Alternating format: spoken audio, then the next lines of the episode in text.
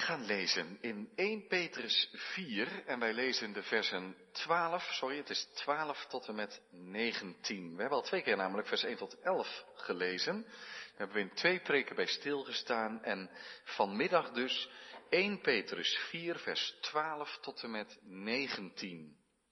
En dat is ook de tekst voor de prediking.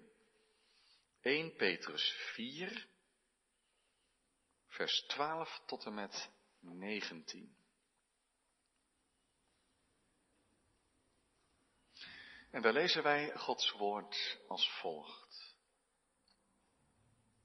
Geliefden, laat de hitte van de verdrukking onder u, die tot uw beproeving dient, u niet bevreemden, alsof u iets vreemds overkwam. Maar verblijd u naar de mate waarin u gemeenschap hebt aan het lijden van Christus.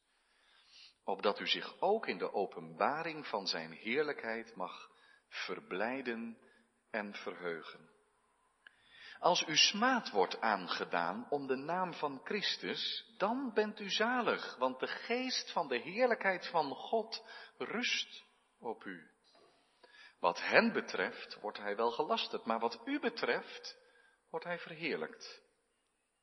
Maar laat niemand van u lijden als een moordenaar of dief of kwaaddoener of als iemand die zich met de zaken van iemand anders bemoeit. Als iemand echter als christen lijdt, laat hij zich daarvoor niet schamen, maar God in dit opzicht verheerlijken. Want nu is het de, de, tijd dat het oordeel begint bij het huis van God. En als het eerst bij ons begint, wat zal het einde zijn van hen die het evangelie van God ongehoorzaam zijn? En als de rechtvaardige nauwelijks zalig wordt, waar zal de goddeloze en de zondaar verschijnen? Daarom laten ook zij die lijden naar de wil van God hun zielen aan Hem als de getrouwe schepper toevertrouwen in het doen van het goede. Tot zover lezen we Gods woord voor deze dienst. Zalig zijn zij die het woord van de Heere onze God horen en geloven en daaruit leven. Amen. Tekst voor de prediking is dus 1 Petrus 4, vers 12 tot en met 19. Gemeente van onze Heer Jezus Christus hier en ook thuis. Ben jij alles goed getest? Bent u alles goed getest? Natuurlijk, op school doe je allerlei tests. Er wordt goed op de proef gesteld of je voldoende de leerstof beheerst. Soms heb je bijscholing op je werk gehad en er wordt een test bij. Er wordt op de proef gesteld om te kijken of je voldoende inhoud hebt voor het werk. Soms in bijzondere mate, als je bij de politie wil, dan zul je bijvoorbeeld bepaalde tests moeten ondergaan om te kijken of je fysiek in orde bent. Je mentaal genoeg in huis hebt om de functie uit te gaan oefenen of aan de opleiding te beginnen. Of denk helemaal eens aan de Special Forces. Of van die aardige programma's als Kamp Waas of Kamp van Koningsbrugge, waar mensen tot het uiterste getest worden of ze geschikt zouden zijn voor het moeilijke werk. Zo'n test wordt ook wel eens een vuurproef genoemd. Ken je dat woord? Vuurproef? Waar komt dat vandaan? Nou, dat heeft waarschijnlijk hele oude papieren. Namelijk dat in, het, eh, in een ver verleden als edel metaal getoetst, getest moest worden. Is het wel echt goud? Is het niet schijn? Is het niet vermengd met allerlei andere mindere edele metalen? En dan moest het, laten we zeggen, de vuurproef doorstaan. Dan werd het in het hete vuur gehouden. U begrijpt wel, als het ringetje van plastic was, dan was het gauw gedaan. Als het met onedel metaal was, dat die hitte niet aankon, dan bleef er ook weinig van over. Maar als het echt goud was, dan kwam het nog, nog mooier uit het vuur, omdat alles wat niet echt goud was, dat was weg. Het was gelouterd, getest in de hitte van het vuur. Echt goud doorstaat de vuurproef. En aan dat woord, denk ik, moeten we denken als we de versen 12 tot en met 19 lezen van dit hoofdstuk, hoofdstuk 4 van 1 Petrus. Want Petrus heeft het hier over de hitte van de verdrukking.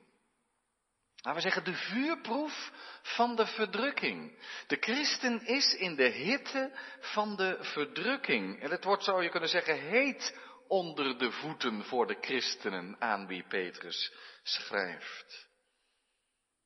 Kijk daar maar niet vreemd van op, zegt de apostel. Het hoort er helemaal bij, want jullie zijn in de vuurproef. Die moet je doorstaan. God houdt jullie als het ware in de hitte van de verdrukking, zodat duidelijk blijkt dat je geloof echt is, dat je erdoor veredeld wordt, het geloof dan, begrijpt u? Dat je er sterker uitkomt. En dat je zelf dan het, het, het zegel bij je draagt, de bevestiging, dat je echt een kind van God bent.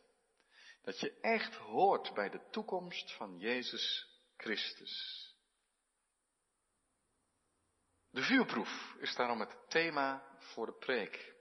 En vier aandachtspunten hebben we en kun je, daar kun je een zin van maken. Punt 1. Wees niet verbaasd. 2. Wees liever blij. 3. Je wordt getest. En 4. Geef niet op. Wees niet verbaasd. Wees liever blij. Je wordt getest. Geef niet op. Twaalf woorden, vier punten. Eén thema, de vuurproef. Het eerste, wees niet verbaasd. Als wij als christenen nadenken over het leven en ook over het lijden en alle gebrokenheid die er is, kijken we elkaar vroeg of laat aan en zeggen we, maar het hoort er niet bij. Het hoort er niet bij. Dat leren we van de Bijbel.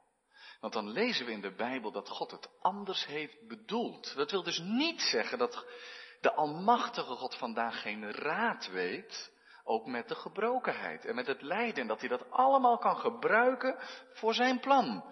Maar als je het begin van de Bijbel leest, dan lees je dat door de zonde de ellende in de wereld gekomen is, dat de zonde ook de schepping meesleurde in de val. En zeg je nee, dit is niet hoe God het wil. Het lijden is erbij gekomen, maar het is niet toch zoals God het uiteindelijk bedoelt. En dat zie je ook als je niet alleen naar begin van de Bijbel kijkt, je ziet het net zo goed als je naar het einde van de Bijbel kijkt. Want als je naar het einde van de Bijbel kijkt, dan zie je hoe God toewerkt naar die nieuwe hemel en de nieuwe aarde. En dat juist door het oordeel heen het slechte weg moet. Het verkeerde moet aan de kant. Het kwaad moet wijken en overwonnen worden. En wat uiteindelijk overblijft is de glorie van God. En zijn woning bij de mensen. En dan zeg je dus, het lijden is er nu wel, en God weet er raad mee, maar het hoort er niet bij. Het wringt altijd. En wij bidden, o God, gaat u alstublieft naar uw beloften door met uw werk, want zoals het nu is in de wereld, zal het God zij dank niet zo blijven. Zo heeft God het niet bedoeld. Maar de apostel Petrus heeft natuurlijk wel gelijk als hij zegt, het lijden hoort er juist wel helemaal bij. Hij zegt juist tegen zijn gelovigen aan wie hij schrijft, dan zegt hij, laat het u niet bevreemden.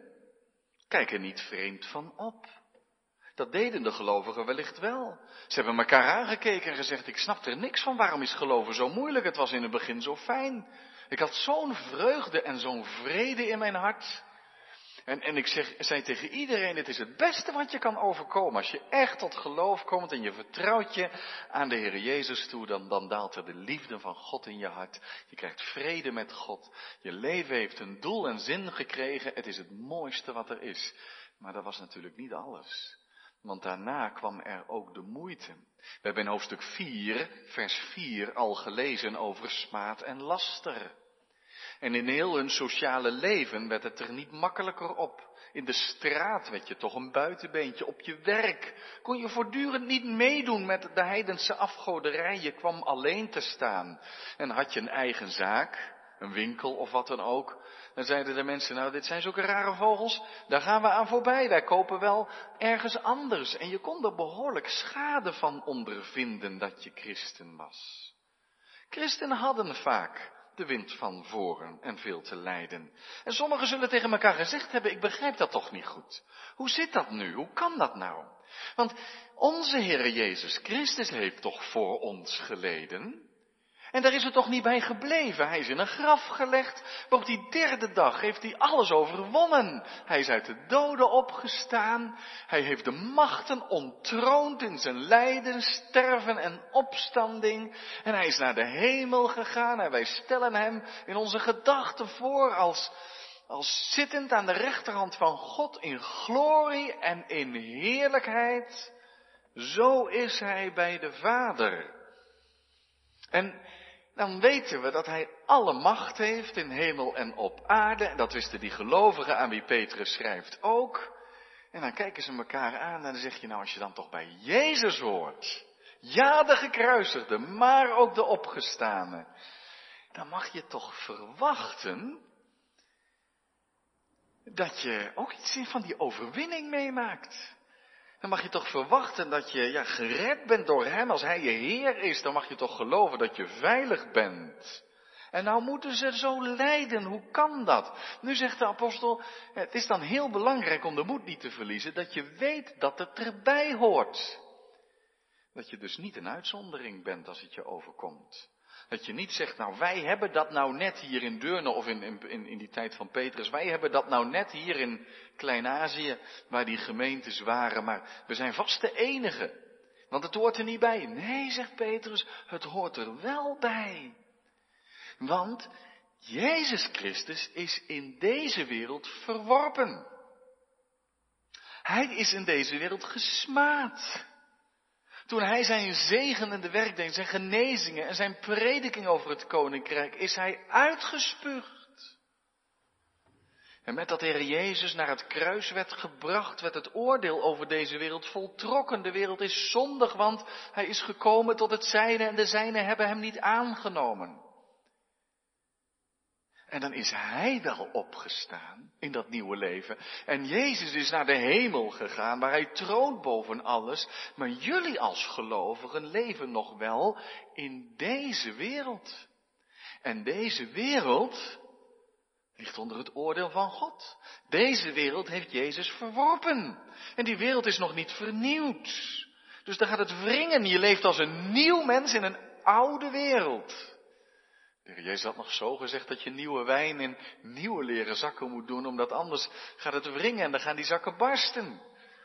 Maar zo leeft een christen eigenlijk in deze wereld. De wereld is nog zo oud.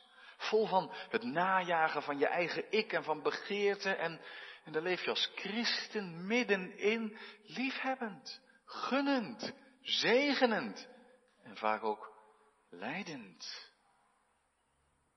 Het lijden hoort erbij. Laat het je niet bevreemden. Kijk er niet vreemd van op. Hoe is dat nou bij ons? Daar heb ik toch wel een beetje mee gezeten deze week. En u mag er met mij nu ook wel een beetje mee zitten. Want ik denk dat de apostel Petrus tegen ons misschien wel zou zeggen. draai ik het even om. Vinden jullie het niet vreemd dat je helemaal niet vervolgd wordt, als dat zo is? Als het er zo bij hoort, kun je wel eens over nadenken toch, hè? Maar ja, ik weet het ook wel. Het is niet altijd zo dat een kerk leidt. God geeft soms bijzondere periodes van rust. En dan mag je ombidden. Wij bidden voor overheden, opdat wij, schrijft Paulus aan Timotheus, een gerust en stil leven leiden in alle godzaligheid en eerbaarheid, want dat is goed en aangenaam. Zo, zoveel wil God dat ook kan een bloeitijd voor de kerk opleveren in eerste instantie, maar we voelen ook het gevaar van gemakzucht. Aan de andere kant, misschien wordt de verdrukking wel groter en groter, maar zijn onze ogen er nog niet zo heel erg voor open gegaan. Ons deel van de wereld, West-Europa, is christelijk geweest. Het begrip voor christelijke waarden en normen gaat, voor zover ik het kan overzien, heel hard achteruit. Persoonlijk schrok ik nogal van de hele Hongarije-kwestie. Heeft u dat meegekregen? Er wordt in het westen van Europa gesproken over een anti-homo-wet in Hongarije. En ik ga daar niet van alles van zeggen, want ik zou hem van binnen en van buiten moeten kennen. En ik wil ook maar onderstrepen dat we niet licht over de vragen moeten denken. En dat we als christenen iedereen alle levensgeluk gunnen. En tegelijk zeggen we, mag je in deze tijd nog spreken over Gods waarden en normen?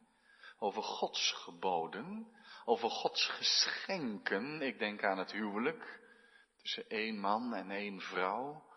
Dat het Gods wil is. Kan een christelijk geluid nog, als je opeens de regeringsleiders ziet dringen bij microfoons om te zeggen dat dat toch achterlijk is en niet meer van deze tijd en dat, je, dat er voor jou geen plaats is in Europa? Toen dacht ik even, zien wij hier niet een stukje van de vrije meningsuiting sneuvelen? Kijk, is er vervolging? Nee. Is er verdrukking? Ik denk het wel. Het geloof komt in een klein hoekje te zitten en er wordt druk op uitgeoefend. Nee, geen brandstapels, gevangenisstraffen, grote boetes. Maar wel een zachte, maar dringende druk om vooral mee te gaan met de nieuwe waarden en normen. En je op geen enkele manier er anders over uit te laten, want anders word je foop genoemd. Wat voor foop dan ook, een xenofoob of een homofoob of een wat voor foop. Simpelweg omdat je nog een paar vragen hebt, indringende vragen. Nu, ik noem maar één voorbeeld. Hè. Maar wat nu als de druk toeneemt? Wat nu als bij ons geloven moeilijker wordt? Dan staan wij bij dit gedeelte van Petrus voor de vraag. Zijn we bereid om de smaad van Christus te dragen? Hebben wij ons leven zo in Gods handen gelegd, let op het laatste vers, dat wij onze zielen Hem bevelen als de getrouwe schepper, hebben we onze ziel, ons leven zo in de hand van onze schepper en verlosser gelegd, dat we weten, ik wil in dit leven kosten wat kost in Zijn wegen gaan, want daar verwacht ik zegen, wat er ook gebeurt, want als ik in het kleine niet een echte navolger van de Heer Jezus Christus ben, wat gebeurt er dan als er vervolging uitbreekt? Voelt u aan dat het gevaar voor ons is dat we die druk niet voelen en gewoon meebewegen met de wereld? En ik weet, dat gaat ons nog voor veel vragen stellen. Maar in, waarin zijn we dan anders? Want we leven ook in deze wereld en we doen heel veel dingen hetzelfde. En dat begrijp ik ook. We zullen intense discussies moeten voeren. Kunnen we er wel in mee? Kunnen we er niet in mee?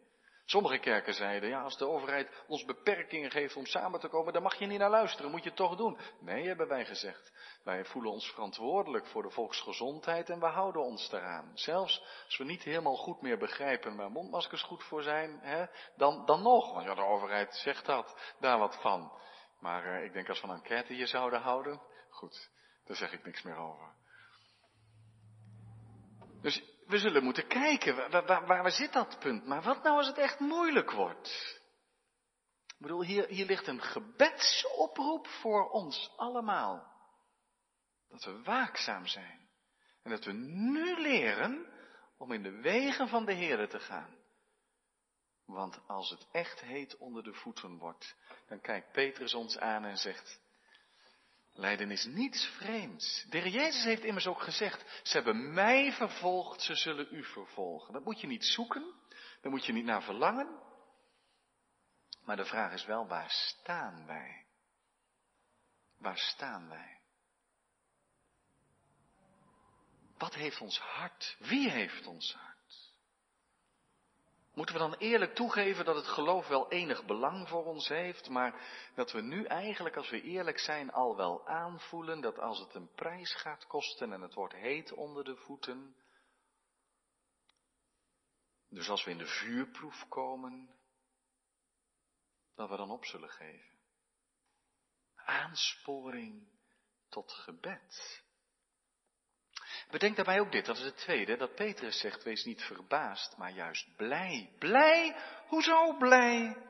Hoe kun je blij zijn als mensen je uitlachen, als je alleen komt te staan onder je collega's bijvoorbeeld? Als ze niet meer, en ik zeg niet dat het bij ons gebeurde, maar in die tijd gebeurden die dingen, als men niet meer bij je wil kopen omdat je zo'n raar geloof aanhangt, of liever gezegd, in het Romeinse Rijk werden christenen vaak atheïsten genoemd, omdat ze geen zichtbare God hadden. Dat is ook wat. Kom je elke zondag naar de kerk en door de week ook nog eens om God aanbidden en dan krijg je het stempel atheïsme op. Maar dat gebeurde in de vroege kerk. Je doet niet meer mee. Wat een ongelovigen die christenen. Ze geloven niet meer in de goden. Wees blij, zegt Petrus. Want als je nu met Christus leidt, dan zul je straks met hem delen in de eeuwige glorie. Want dan blijkt in die vuurproef dat het geloof echt is en niet van plastic. Dat je echt bij Jezus hoort. En let eens op hoe Petrus dan dat geloof in vers 13 noemt. Verblijd u naar de mate, dus hoe meer je erin deelt, hoe meer je erin verblijdt. Verblijd u naar de mate waarin u gemeenschap hebt aan het lijden van Christus. Dat is opmerkelijk gezegd. Hij zegt dus niet, uw lijden heeft iets te maken met Christus. Nee, het is Jij krijgt ook deel aan het lijden wat Christus eens geleden heeft. Het is zijn lijden. Weet u nog dat als Paulus naar Damascus gaat, dat hij Jezus tegenkomt in een visioen. En Jezus zegt tegen hem, Saul, Saul, wat vervolgt u mij? Het is het lijden van Christus waar wij deel aan hebben. Het is de verwerping van Christus waar zijn lichaam, zijn gemeente in deelt. Het is de smaad van Christus die ons treft. Dus als iemand ons uitlacht omdat we de Heer Jezus volgen, dan is het zijn smaad waar wij iets van meekrijgen. En dan bent u zalig, zegt Petrus. Als u smaad wordt aangedaan, vers 14, om de naam van Christus, dan bent u echt gelukkig. Dan sta je aan de goede kant, om zo te zeggen. Het is een zaligspreking, want de geest van de heerlijkheid en van God rust op u. Gods Geest van glorie rust op u. De vervolging is daarvan het bewijs. Kijk, dan kun je zeggen, ja, maar dit is toch niet tot eer van God, want God wordt gelasterd. Dat is waar, wat hun betreft wel. Maar als je in die vervolging volhardt, staande blijft, dan is dat tot eer van God. De mensen lachen erom, maar God wordt geëerd omdat je zegt, en toch blijf ik Jezus volgen. God wordt verheerlijkt. En dan blijkt, je krijgt er de bevestiging van dat je bij Jezus hoort. Kun je dat voorstellen, blij? Let op, vervolging, verdrukking is nooit fijn. Naar, erg, beroerd, moeilijk. En toch, denk eens aan Petrus en Johannes die voor de raad moesten komen, handelingen 5 staat dat. Ze werden bedreigd, onder druk gezet, ze werden geslagen, stokslagen. En die zijn niet fijn gaan voelen. Vreselijke pijn.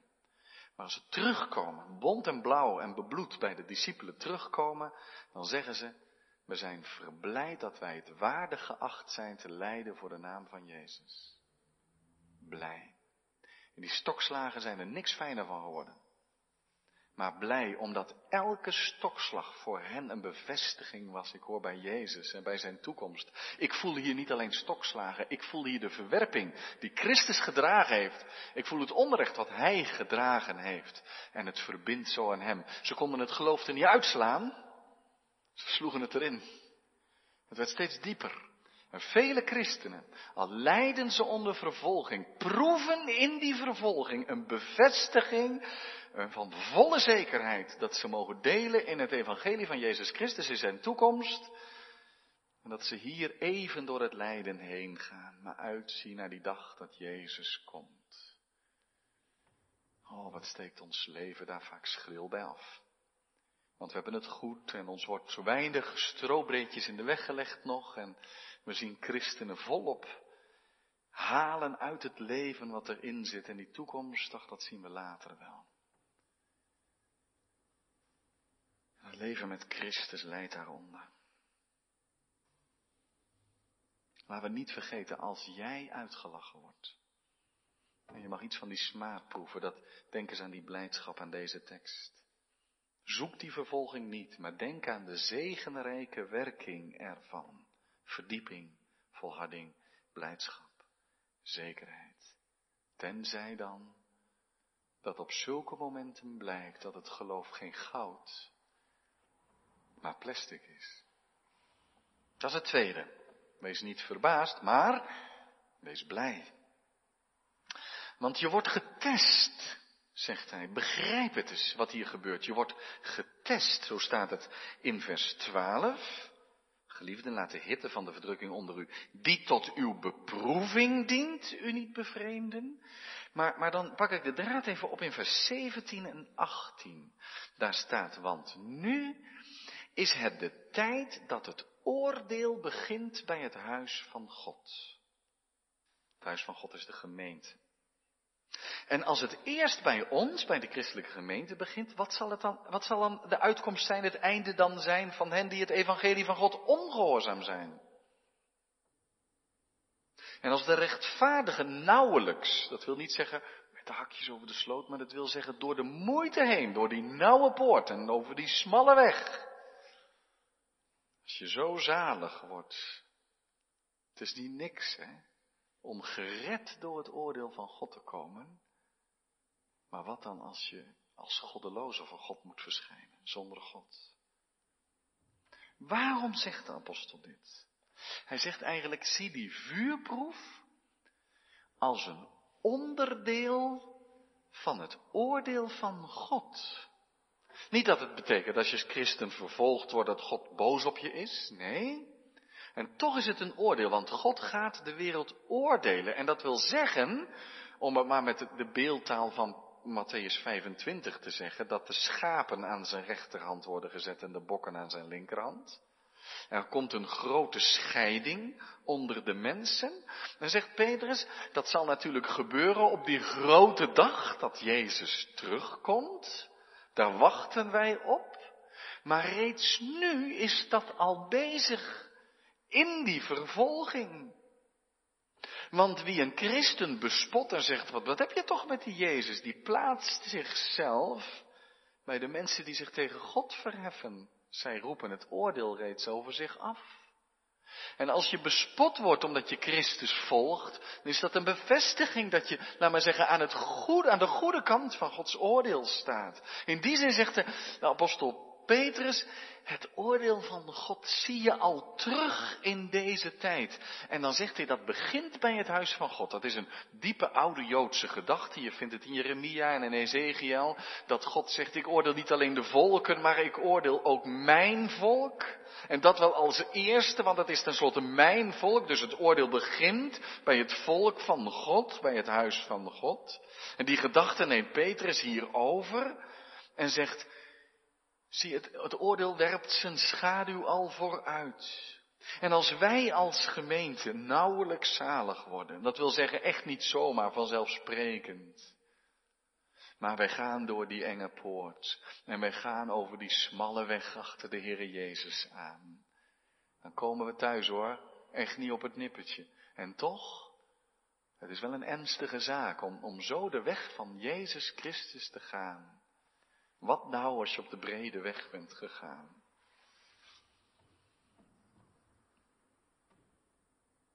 Dan zal het oordeel komen over hen, hen die het evangelie van God ongehoorzaam zijn.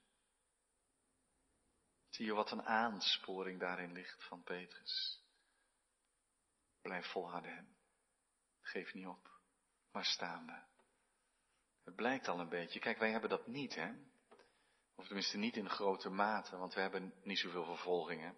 Eigenlijk niet. Verdrukking misschien wat, maar we gaan nog niet klagen, hè? Die bevestiging hebben wij niet. Die missen we. Die kun je wel op een andere manier krijgen in het avondmaal. En door de Heilige Geest, die met onze geest getuigt dat we kinderen God zijn, bevestigingen te over. Maar deze bevestiging niet. Die vele vervolgde christenen in ruime mate wel hebben. Die weten, ik ben van Christus, want ze hebben me nog in elkaar geslagen daarvoor. Maar nu mag ik toch weer doorgaan met het doorgeven van het evangelie. Maar als je die teksten leest, als we de rechtvaardige nauwelijks zalig wordt, wat dan met Zullen we die tekst eens een keer anders lezen dan voor ons? als wij in rust en vrijheid al dreigen op te geven en het geloof naar onze hand zetten? Wat dan als het moeilijk wordt? Wat blijft er van onze gemeente dan over? Oh, er blijft wat over, dat weet ik. Oh ja, er zullen er zijn die tot in de dood toe Christus zullen volgen. Maar ik weet het niet zeker van iedereen. Ik kan ook alleen voor mezelf maar bidden, Heer, geef dan volharding tot het laatste aan toe, want zo sterk zijn we niet. Maar de vraag is wel, waar is ons hart? Heeft de Heer Jezus zo ons hart dat we in goede en in slechte dagen Hem volgen? Opnieuw neem die vraag eens mee in de gebeden. En dan het laatste, geef niet op, vers 19. En als je dan lijdt, daarom laten we ook zij die lijden naar de wil van God. Dus dan de wil van God, die vuurproef. Dan mag je ook nog weten in de hand van God, hoef je nooit te denken, oh dit is, het loopt God allemaal uit de hand, dat hoef je echt niet te denken. Het is lijden naar de wil van God, al begrijp je misschien Gods bedoeling niet. Zie het maar als een vuurproef, zegt Petrus. Wat moet je dan doen? Je ziel. Dat is heel je, je binnenkant. Maar je kunt ook wel zeggen, dat is heel je leven. Heel je hebben en houden. Heel je ziel aan God toevertrouwen. Je leven aan God toevertrouwen. In zijn hand leggen, want hij is je schepper. Je getrouwe schepper.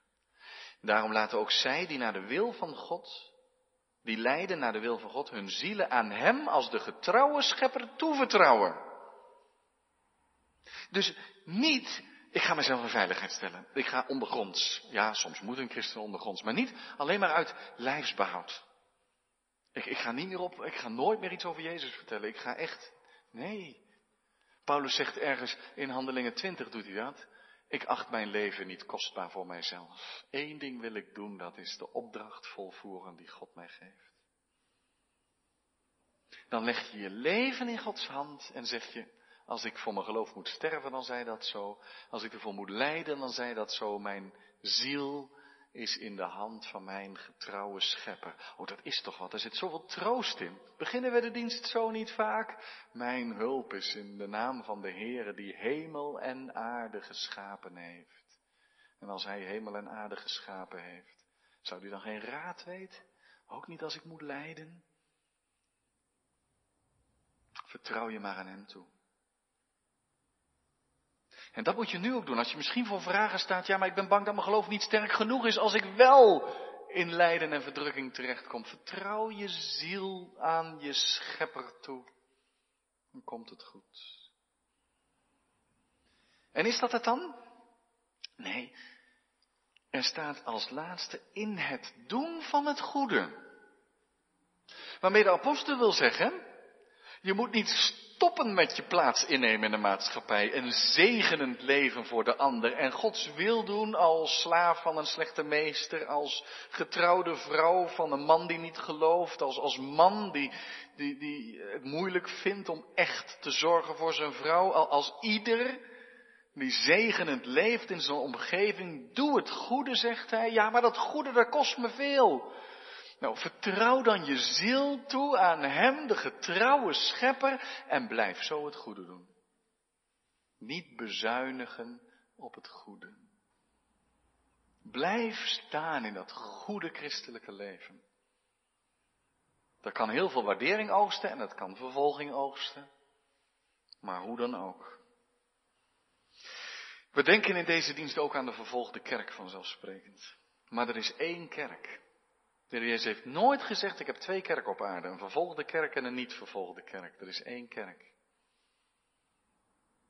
En op sommige plaatsen is het heter onder de voeten dan op andere plaatsen. Maar wie behoren we toe? Behoren we onszelf toe? Dan zal het met de verdrukking en de vervolging meevallen. Echt. Behoren we de staat toe? Ons land, onze cultuur?